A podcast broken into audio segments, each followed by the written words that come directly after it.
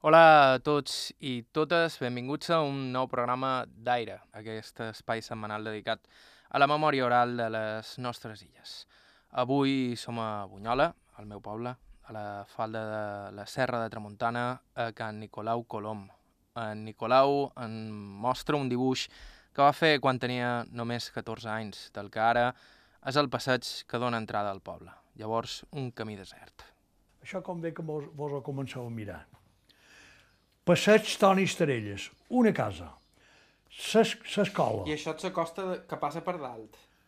I això, i, això, exacte, i això és el que va, el camí de Colbet. Per aquí se va en el camí de Colbet. Això és Can Mas. Eh? Sa, sa finca. Ah, vale. Es, Ah? Ara pensava que miraven de cap a l'altre. No, No, no, no, jo- sé jo que això- aquesta ha desaparegut, però ara... No, aquesta casa se n'hi han afegides una tiranga. Ah, clar. Una tiranga aquí i aquí.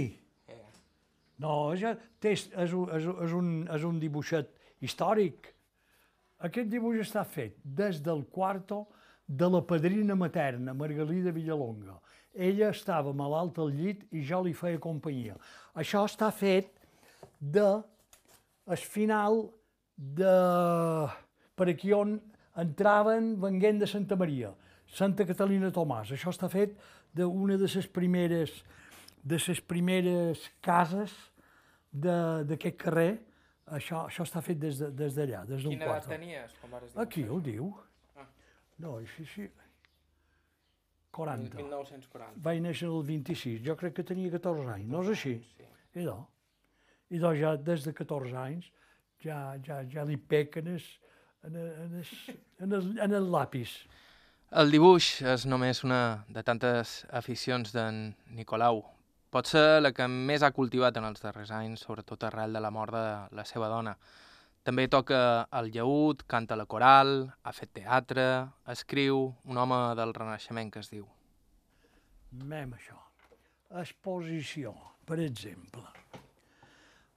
Uh, coses de casa. Això és lo darrer, això és lo darrer que he fet. Sí, allà, allà, sí, les panades fan menjera, però... No, no, no, no, no, He vist un parell de rubiols. això mateix. Sí. Això, això està dedicat, això està fet en memòria de la meva dona. Això, això està fet una vegada, una vegada vaig quedar, vaig quedar a les fosques, vaig agafar els colors i me vaig entretenir pintant coses de casa. I, i no, i, i, i n'hi ha, eh, hi ha més carpetes, oh? Veus? Que les balances encara els podeu veure exposades, exposades allà damunt, un molinet de cafè, cafè. tot això coses, coses de... Sí. quotidians. El, meu, el meu lleut, ah, esperau, no, no, i si pots, si pots se l'heu de retratar. No, jo encara, ho sents, uh, diumenge va fer vuit dies que el vaig tocar a la presó. No és que l'hagin tancat mai, però en Nicolau encara visita la presó de Palma amb el grup de Càritas. De fet, la seva neta, la cantant Júlia Colom, l'acompanya un cop a l'any i canta La Sibila, una cançó que va aprendre del seu predí.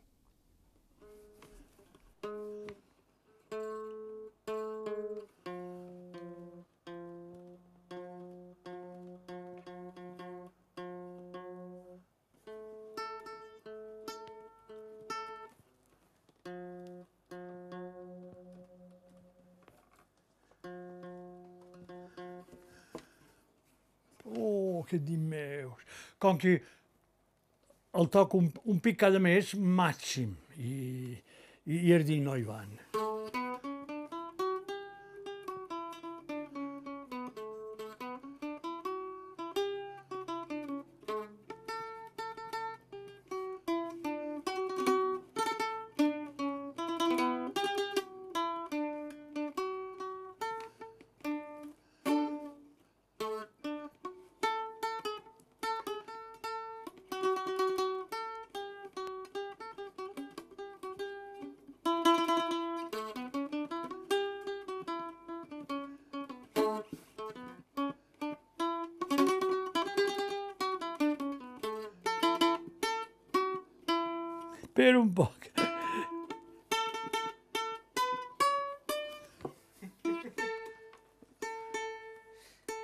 El vas aprendre a tocar? Qui te'n va ensenyar?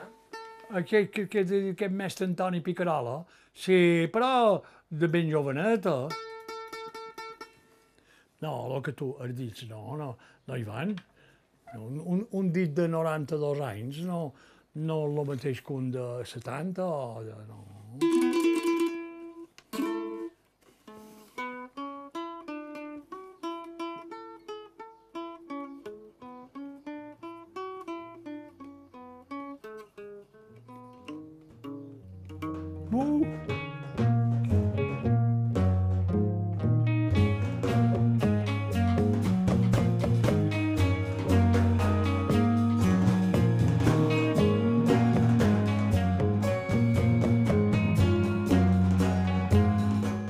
Nicolau Colom és un personatge increïble, nascut dins una família industrial bunyolina, el seu predí ja va ser bala i el seu pare crearia la saboneria El Nido, veïna de les destileries Túnel, on ell mateix treballaria durant dècades. També era gent sensible, inclinada a les arts, especialment al teatre, part d'una burgesia moderna, si tenim en compte el temps i el seu entorn, que mai va acabar d'arrelar a Mallorca. Desgraciadament, o més ben dit, va ser esborrada gairebé per complet pel boom turístic. En Nicolau, però, s'ha mantingut fidel a les seves inquietuds durant més de 90 anys. A mi m'agrada pensar que a cada poble de les illes hi ha un Nicolau Colom, una d'aquelles persones que fan poble, en saben un pot de tot i sempre reparteixen bonomia. Avui a Aire coneixem en Nicolau i tots els Nicolaus del món. Començam. I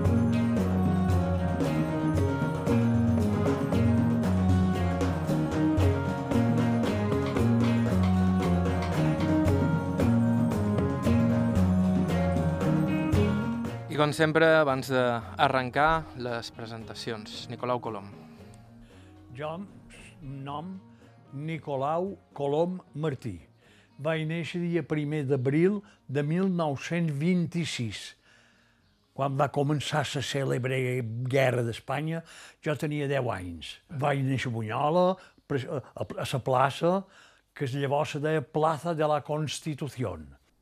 En Nicolau, just arrencar, m'explica d'una tacada tota la seva educació en una bunyola reconeixible però remota. De nin, com a natural, les primeres instruccions els vaig rebre de les monges. Les monges, eh, en fi, eh, eh, les monges, quan fes una, una acció, una acció que ella els, els, te donaven un parell de faves torrades. Això era la recompensa d'aquell temps.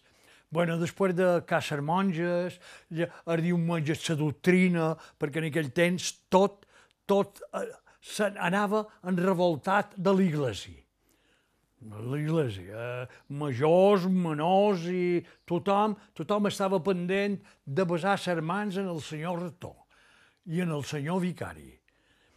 Després, un poc més tardet, ja supos que en els 10-12 anys, ja vaig passar a l'escola, a l'escola graduada de Niños de Bunyola, escola graduada de nins de Bunyola.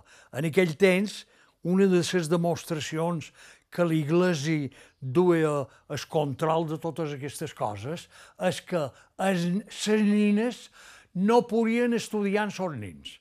Les nines eh, tenien una altra, una altra classe, que, que no tenia res que veure amb l'escola graduada, que era una escola que l'havien inaugurada no feia molt d'anys, estem de mon pare, va inaugurar una escola molt ben situada. L'escola d'Espins, exacte, que en un, en un principi, quan se va inaugurar, se va inaugurar sense pins, i llavors, quan els pins varen començar a ser grossos, pues, li van dir l'escola d'Espins.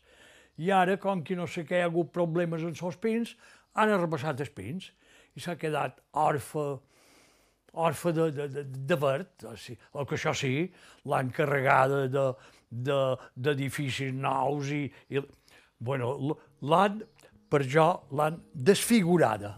I jo vaig anar a escola fins als 14 anys.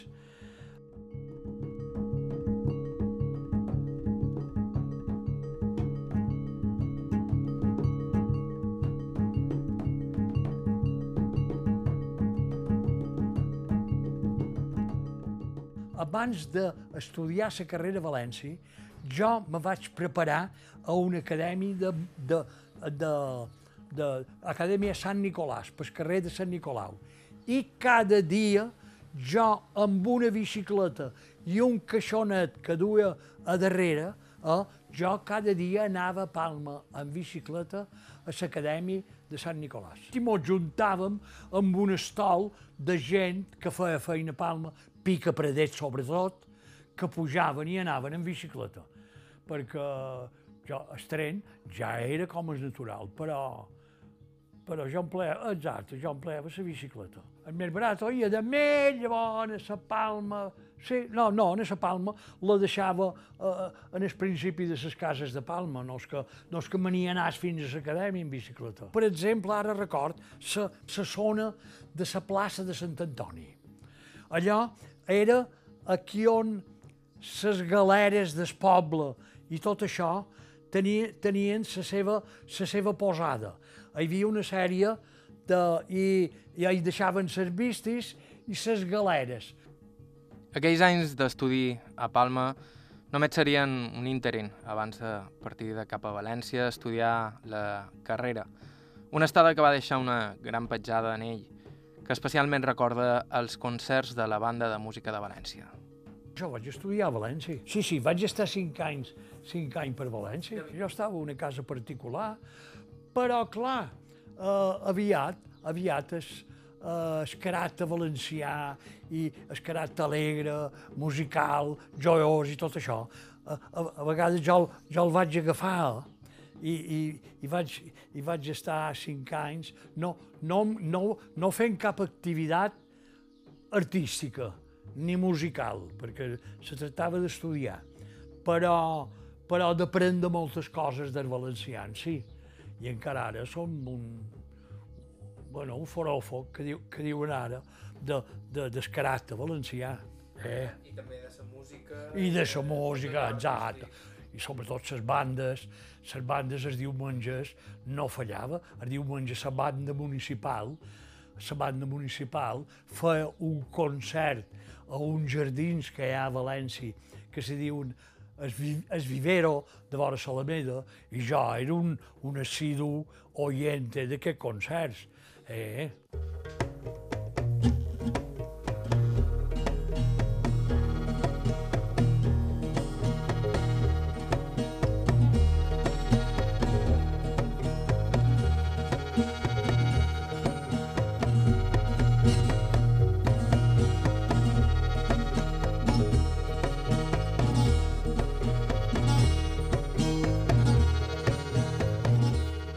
Que algú de Bunyola anés a estudiar a València no era d'allò més convencional. De fet, en Nicolau Colom s'ho va permetre perquè venia, provenia, d'una família d'industrials, aquella nova raça apareguda als pobles de Mallorca.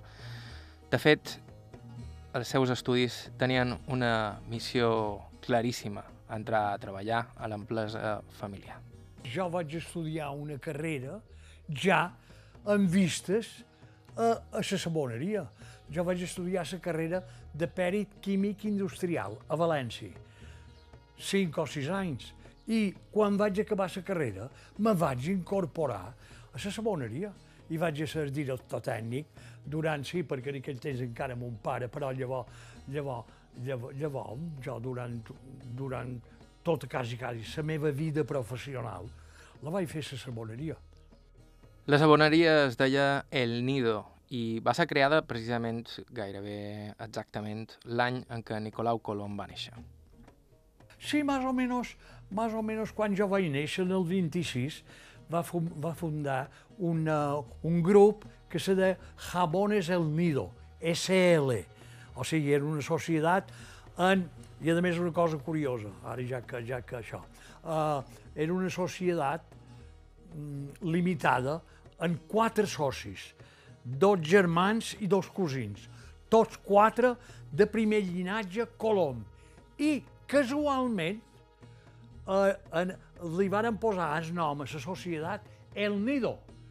I per compte meu jo he anat deduint que, clar, que aquest nido era, era de quatre colons, i era un nom, però jo aquesta, aquesta cosa no la puc, no la puc testificar, no, no, no m'ha passat de pares a fills.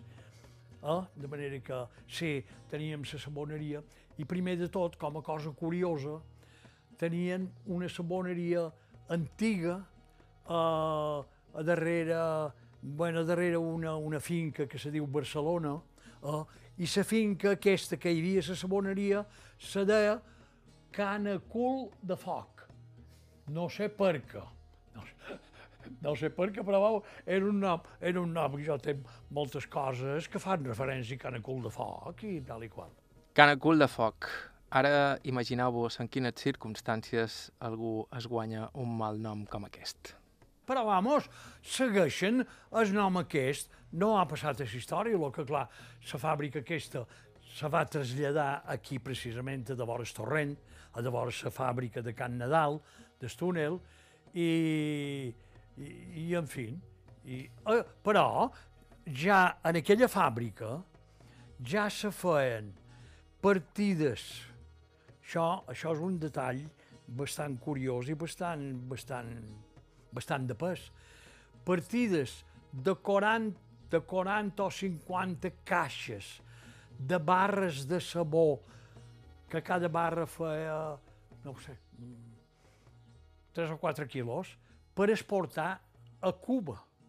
De manera que aquella, aquella fàbrica eh, feia feina i sobretot d'aquest tipus de feina i en els guanys d'aquesta producció se va poder comprar un solar i fer una fàbrica nova aquí on ara hi ha 27 vivendes, que això s'ha acabat.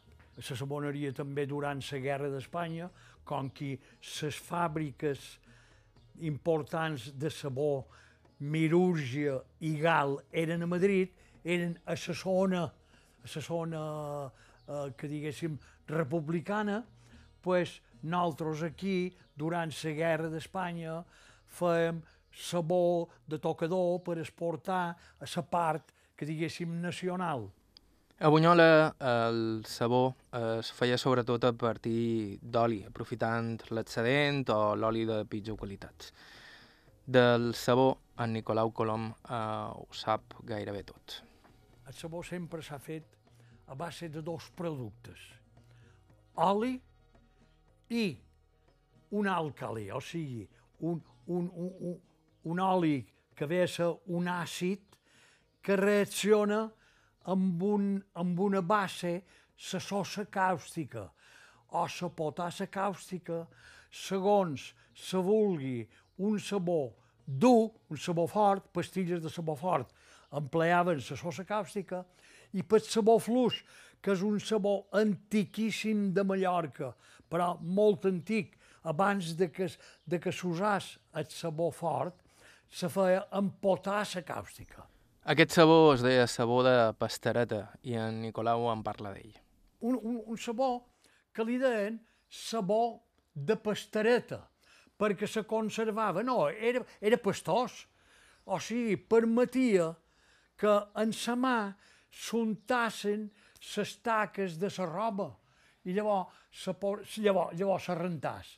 De manera que això era el sabó de pastereta, el sabó i, bueno, i llavors nosaltres aquí durant això vàrem, vàrem muntar, vàrem, bé, jo dic nosaltres perquè mon pare va, va organitzar tot això de la saboneria, vàrem fer el sabó, el sabó de tocador, que el sabó de tocador és un sabó que primer ha estat un sabó normal, amb engrasses especials, perquè normalment el sabó que fe, se feia antigament a Mallorca i el sabó fluix se, basa, se basava en sòlid d'oliva.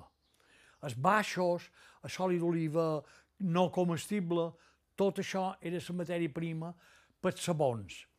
Uh, ara, I després, però llavors, quan, quan vàrem fer sabon de tocador, ja vàrem incorporar sòlid de coco, soli de palma per donar, per donar espumositat, perquè el sabó d'oli d'oliva dona un sabó però amb poca espuma i poca duresa. I en canvi, en seu, el coco i totes aquestes coses se feien, se feia la base del sabó de tocador i, i en fi, i llavors se va comprar una maquinari per fer per fer les pastilles, perquè el sabó de tocador és, el primer, feu un sabó normal bo.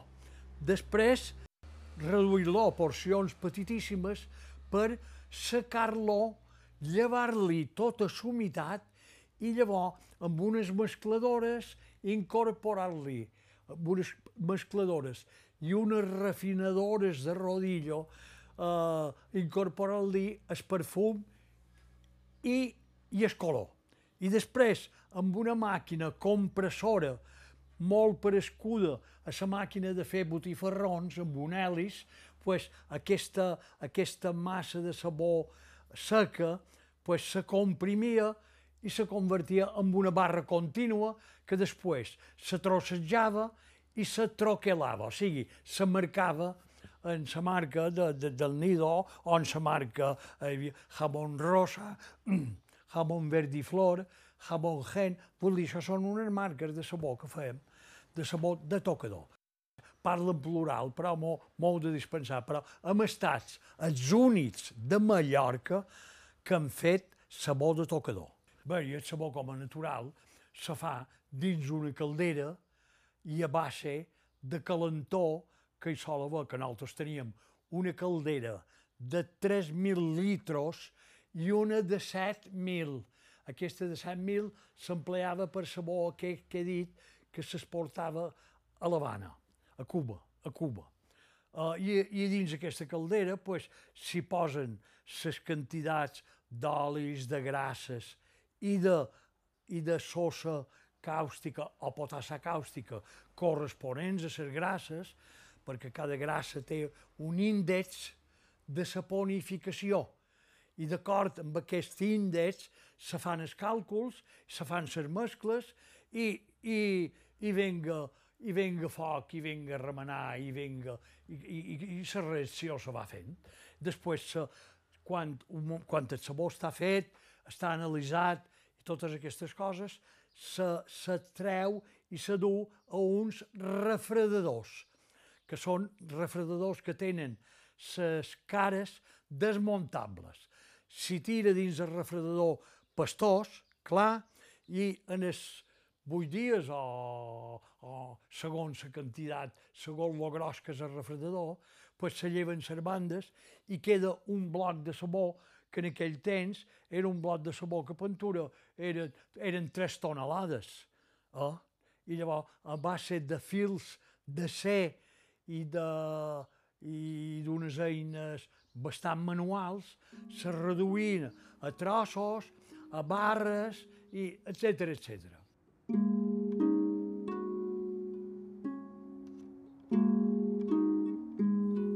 La saboneria El Nido va romandre oberta durant dècades, però com bona part de les indústries del poble va haver d'acabar tancant anys després.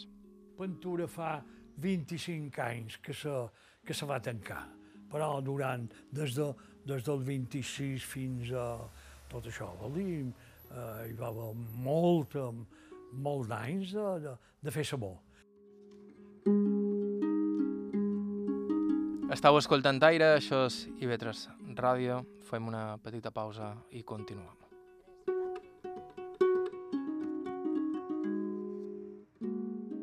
A IB3 Ràdio, Aire, amb Joan Cabot.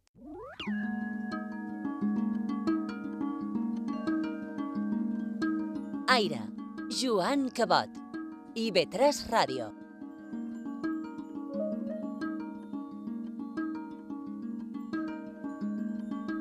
Hola de nou, continueu escoltant Aire a la sintonia de IB3 Ràdio. Avui som a Bunyola amb Nicolau Colom, 92 anys, i una persona hiperactiva que es va criar a la família propietària dels sabons El Nido i que ha repartit el seu temps lliure i els seus interessos entre el teatre, la coral, les rondalles, pintar, escriure... Només li ha faltat el ballet. Tot això no va sorgir del no-res. Son pare d'en Colau ja era una persona amb grans inquietuds.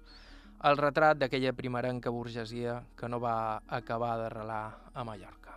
Ma mare era una dona, era una dona, era una dona de casa seva vull dir, no, no, no tenia, bé, tenia un, els estudis primaris i tot això, però res més. Però mon pare ja, mon pare ja, ja, ja destacava, mon pare ja, ja, ja era, ja va ser el, el president d'una associació de, de, de pares d'escolars, que en aquell temps ja a l'escola, ja amb mon pare d'això, jo tinc, tinc llibres aquí que seria molt bon de, molt bon d'això. Sí, un grup de, de pares d'escolars que, que se preocupaven se preocupaven de la marxa dels al·lots a dins l'escola, cosa que ara els mestres ja no... Aquesta associació de padres d'escolares mm, s'ha anat, anat minvant molt. I feien excursions, feien, tenien els seus socis, pagant unes quotes, tot això era un, una associació de pares d'escolars. Llavors, mon pare va fer un cursos per correspondència en l'acadèmic COTS, COTS de Barcelona, d'organitzador industrial.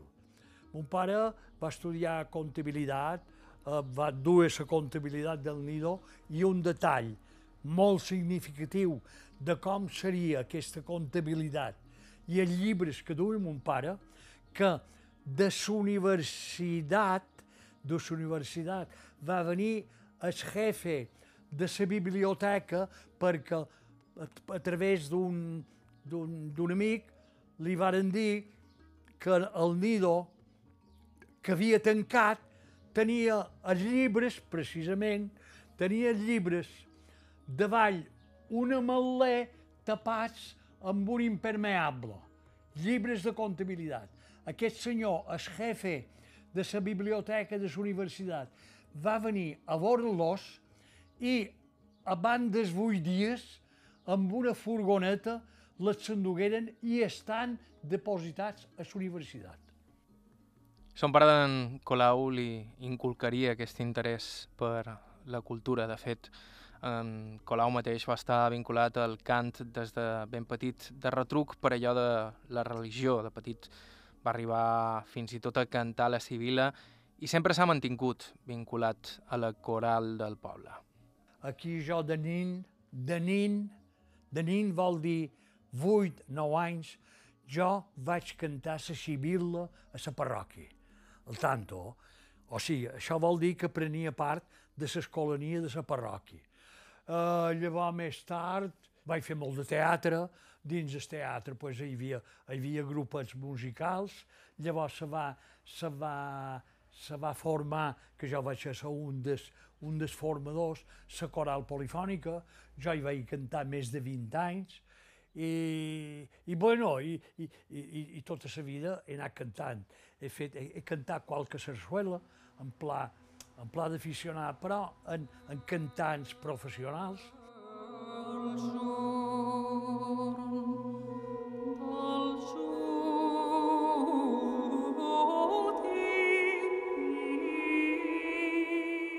En aquell temps, com t'he dit, teníem un vicari que mos ensenyava cant gregorià, que era el cant oficial de l'Iglesi.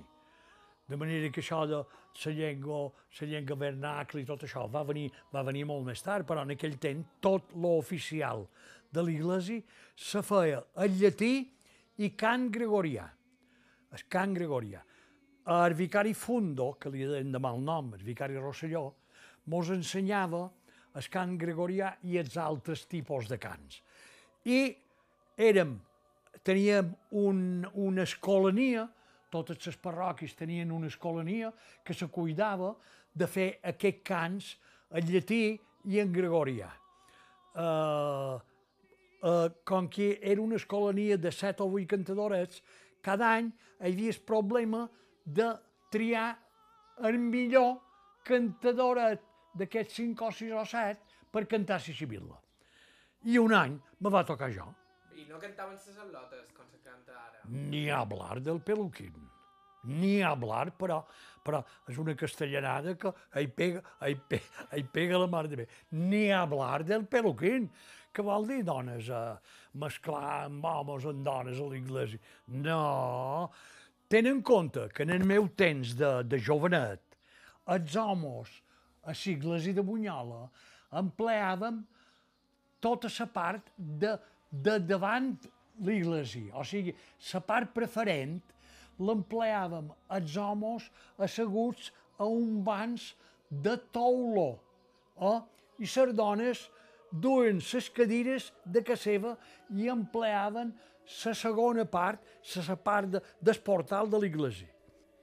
De fet, en Nicolau descriu un poble on la religió ho dominava tot i vigilava també a tothom, de petits a grans, en contadíssimes excepcions. Els dissabtes hi havia la doctrina pels infants, de manera que a les 3 de sort baixa, els al·lots, els al·lots de les cases, molts anaven a l'església i el rector mos feia una catequesis, però amb un detall, que la feia amb una canya de de dos metres d'altura i un, i, un, i un mapa de Palestina i tot això, i si mos descuidàvem un poc, pues, la canya pues, se topava en son nostres, en son nostre capet. Sí, sense voler, no, però... Casual, però casualment. oh, casualment. I el diumenge supos que ningú fallava. Quasi, quasi, quasi, quasi ho poden dir així. Hombre, sempre hi havia un grupet d'aquesta gent, però que procurava d'aquesta gent que estem de la guerra estava a casa seva i tot això, per, per por, per por que no els tancassin a la presó, aquesta gent, com a natural, no obligaven ningú, però, però no vulguis saber.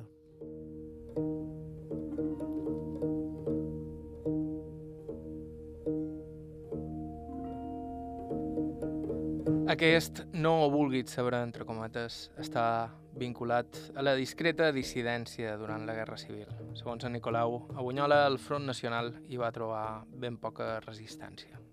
jo me record que una de les coses que recordo d'aquell temps era que quan venien els avions de Barcelona a bombardejar, passaven per damunt l'escola i nosaltres, eh, pues, supos que l- els esquivàvem eh, pel pati.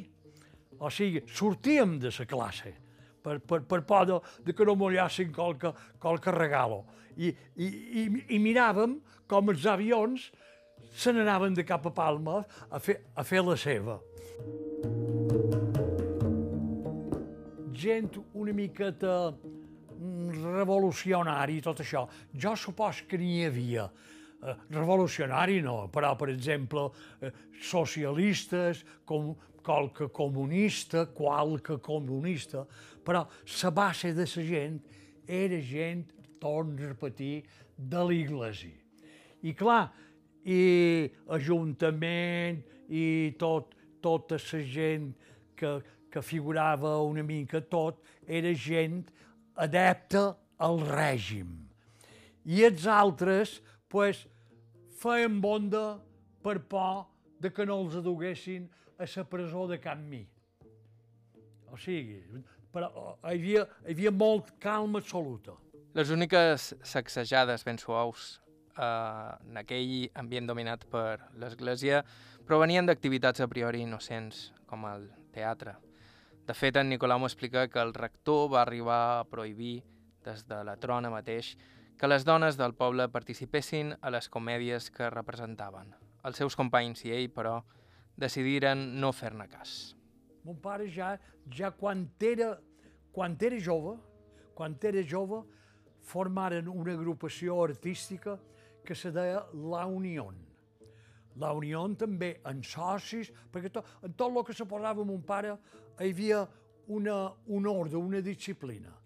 I els, i prin- els dos, els dos mm, monitors d'aquesta agrupació artística La Unió eren el metge, el metge d'Antoni Estrelles i mon pare, La Unió, feia obres de teatre.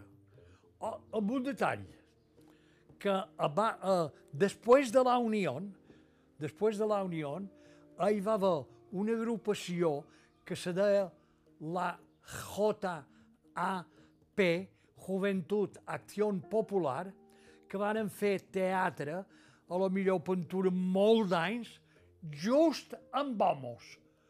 L'església aquí, aquí, des de la trona, el rector des de la trona deia que si les al·lotes s'apuntaven a fer teatre, els arborraria de la llista de fies de Maria.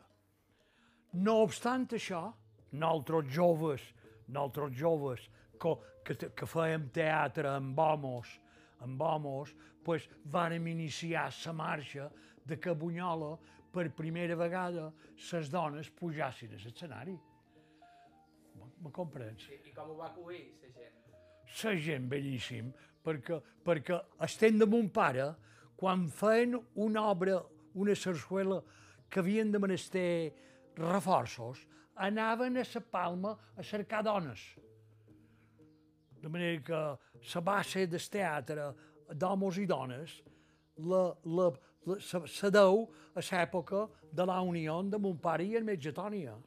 I a més del teatre i el dibuix, del que ja hem sentit parlar, Nicolau va trobar temps per aprendre a tocar el lleut amb la rondalla del poble. Tocava el lleut. Oh, I clar, i, i, i anava amb una agrupació, amb una agrupació de ball, que m'apareix que li deien Santa Bàrbara. Sí, perquè estem de mon pare, estem de la Unió, ja tenien una rondalla. Jo tenc una foto des, de, des grup que era un grup de, de 16 o, o 15 o 16 músics, bandurri, lleut i guitarra. Nosaltres teníem dos, dos germans, els germans Picarola, Nadal, Nadal Rosselló, que havien estudiat música i eren músics de la banda de regiment de Palma. I aquesta gent, quan se va retirar, pues, se va aferrar a la part musical i, i va armar això, lo, lo d'aquestes rondalles de guitarra, lleut i bandurri. Jo vaig aprendre a tocar guitarra i lleut amb mestre Antoni i mestre Guillem i llavors això se va anar ampliant i, i, i, i vàrem, tota la joventut, vàrem tenir aquesta rondalla que amb ella hi fèiem les serenates a les al·lotes de Bunyola, el dia de les Verges. I era un aconteixement, perquè, en fi, com tot, anava a dir, com tot el que, com tot el que s'usava en aquell temps, era, eren coses, coses estructurades. Ara qualsevol cosa li diuen un grup i com tal de, de fer, bueno, dire, direm així com mossèn, renou, pues ja va bé, uh, animar, uh, bu bullici. Però en aquell temps, la gent que venia a sentir les rondalles, ni un pel escoltaven com si fos un concert de la sinfònica. I corríem tot el poble pels, pels escalons i tot això, i era, era, era un dia molt, molt peculiar, molt peculiar. També devia ser el dia per, per veure les al·lotes del poble. Hombre, les al·lotes sempre han estat una mica... En aquell temps eren poc expansives. Estaven darrere, darrere la finestra, no goitaven el temps que els feien la serenata. Escoltàvem de darrere la finestra. Eh, I com vos, com vos coneixíeu? Hombre, per la carretera nova, per, per, per, pels carrers i tot això, però, sí, però, però, però vamos, no, no, no, en aquell temps hi havia una disciplina eclesial, no? agafem la paraula així com sigui, però rigorosa. Per exemple, la gent quan festejava, festejaven a la, a a, en el carrer de Toni Estarelles, que li deien en aquell temps la carretera nova. Però a partir d'una hora determinada, eh, les parelles s'atracaven de cap a la vila i se passejaven ja per dins, per dins el carrer de Pare Bartomeu, per, eh, encara, no hi havia, encara no hi havia teatre, ni, ni el mercat, i se, i se passejàvem amb un per avall per aquí. Però, vull dir, i festejaven d'aquesta manera. I llavors, clar, i llavors, quan, quan el festeig anava un poc en sèrio, el novill demanava l'entrada a la casa. Eh? I en aquest cas, eh, i en aquest cas, eh, intervenia, ja, ja, a intervenia qualque familiar del novill. I anaven a casa, a casa Lota, amb seus pares, i demanaven permís perquè Lot pogués anar a la casa a festejar. Això era demanar entrada a la casa.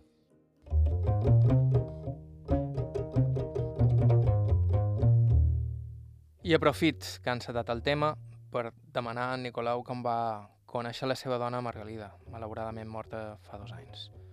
Ella era de fora poble i en Nicolau va estar viatjant regularment fins a Palma per veure-la. A ciutat es varen mudar, de fet, i varen viure els primers anys de casats. Jo justament vaig festejar a Palma, a, a, a un hort de, de, de, de per la soledat. I jo no sé si... Jo, jo diria que sí. Jo diria que sí. Jo, ja la memòria, tu diràs, i d'això te, te, te falla la memòria. No, jo, jo crec que sí. Eh? Vol dir que la teva dona és de la soledat? Sí, sí, de Son Güells. La so, sort, estaven a un hort que se deia Son Güells, que tenien un molí de vent, i aigua, i vaques, i llet, per anar a festejar, perquè en aquell temps jo també tenia una moto BCA, BCA, d'aquelles de depòsit, com, com si fos un boulet. Eh? Però, però jo, els diumenges o, o, o per anar a festejar, anava en so tramvia i me deixava a davant Camp Blau. Llavors, d'allà agafava un camí que me duia a Son Güells, a peu. I com vares conèixer la teva dona? Op, això, això, això no m'ho fuig d'escap. Un any a Sant Marçal. En aquell temps, quan nosaltres érem jovenots, hi havia un costum, però bastant arrelada dins Bunyola, de el dia de Sant Marçal o de Sant Pere, anar a marratxir a la parròquia de Sant Marçal, a adorar Sant, a Sant Marçal hi havia les ballaneres, hi havia, anàvem a adorar Sant, hi havia les alfabegueres, i, i, i na Margalida hi tenia unes amigues per allà. I un grup de bunyolins mos topàrem amb un grup de lotes i una d'elles va ser na, la meva dona, de Margalida. I, i clar, i es, i es fletxasso, sense haver-hi sense haver fletxa ni, ni, ni arc, va ser aquí a les festes de Sant Marçal. Perquè llavors, llavors va tenir una continuació en les festes de Sant Bernat, que també molta gent de Bunyola anava perquè, perquè era un divertiment per joves. Això de, ser, això de ser verbenes i tot això era, era una cosa, ja no era una cosa tan popular com era ara. Eh? I, i, i la gent, sí, anàvem a Sant Marçal, a Sant Bernat, i, i, vaig, i vaig haver de començar a, a festejar Palma i, i acabaria, i acabaria, perquè llavors Llavors mos casàrem i llavors va, jo vaig anar a viure a Son Espanyolet i llavors finalment, finalment, llavors vaig viure a Son Oliva amb tots els, els al·lots. No, els al·lots que en tingueren quatre al·lots, els vaig tenir a Son Espanyolet. Però llavors visquérem molt d'anys a, a Son Oliva i llavors darrerament recabàrem aquí a la fàbrica de sabó, que hi havia una vivenda que la varen fer estent de mon pare.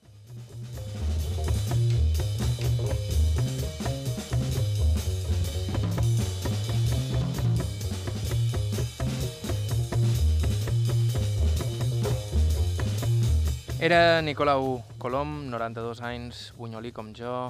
Fem una petita pausa aquí a Aire i d'aquí uns segons rematam el programa d'avui.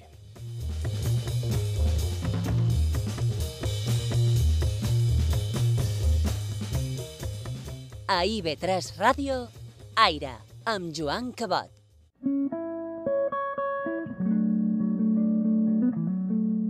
Joan Cabot.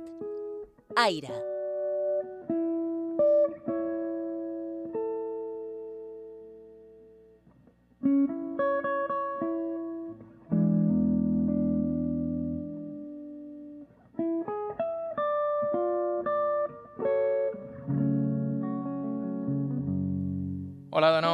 Estàu escoltant Aire, darrer bloc del programa d'avui, un programa protagonitzat per una sola persona.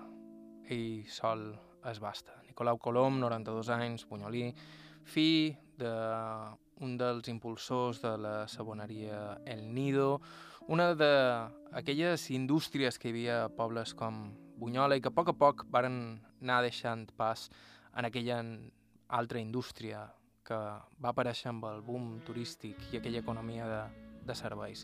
De fet, una va esborrar gairebé per complet l'altra. Però aquí Nicolau Colom em parla de com era aquella Bunyola on encara hi havia fàbriques. A Bunyola hi havia la fàbrica de sabó, veïnat, hi havia Sant Istonel, Sant Istonel, que enca, encara ara, encara ara existeix, existeix i, i, i, i, i, varen, i varen comprar el nom de túnel. Llavors hi havia la fàbrica de teixits que feien turnos en pintura i devia haver, jo no ho sé, però un centenar de dones o, o més que hi feien feina.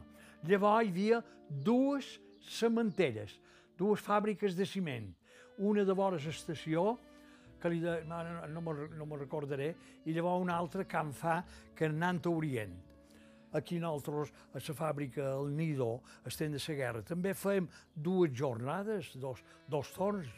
Una història industrial que ha desaparegut gairebé per complet. De fet, moltes d'aquestes, molts d'aquests edificis s'han convertit avui en dia en blocs d'apartaments. En Nicolau m'ho explica.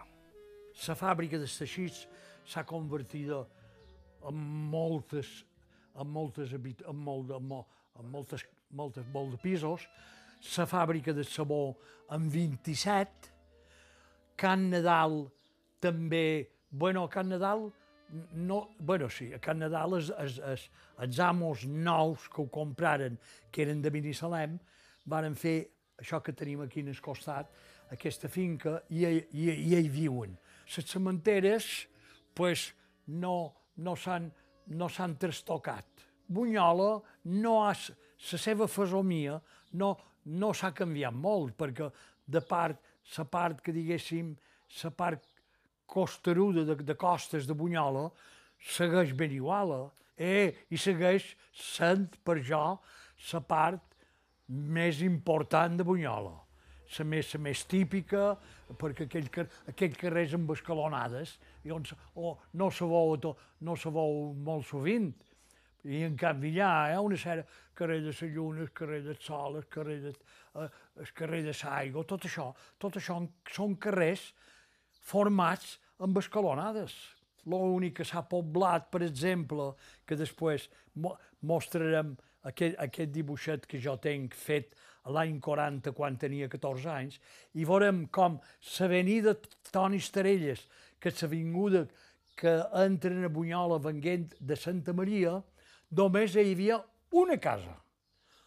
Una casa. En aquest dibuixet que vaig fer jo i que el conserv, sabeu perfectament la casa aquesta i en el fons si veu l'escola.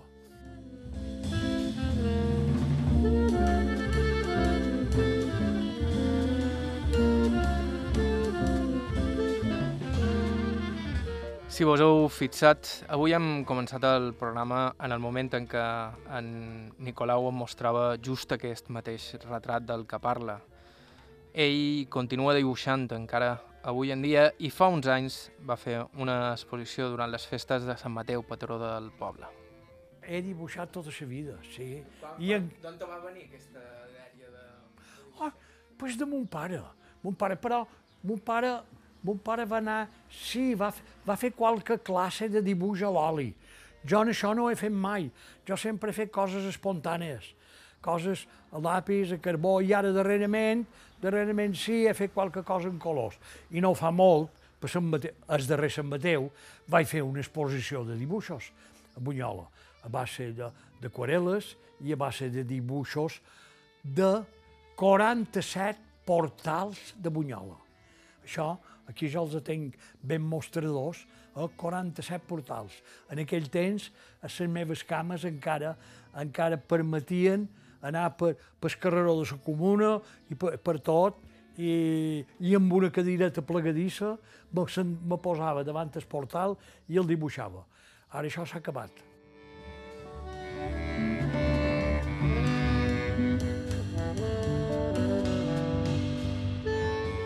Però sempre aficionat. No, no, no, no, no, no, no, no puc exhibir documents, jo, no, no, no, no, no. Sempre cosa, cosa innata, cosa vocacional, i, i això sí, tot el que procuro fer ho faig amb, un, amb una miqueta de, de mètode i d'entusiasme. I res, i així he anat fent i així, i així la gent me considera. I que visquin els aficionats, sobretot aquells que tenen mètode.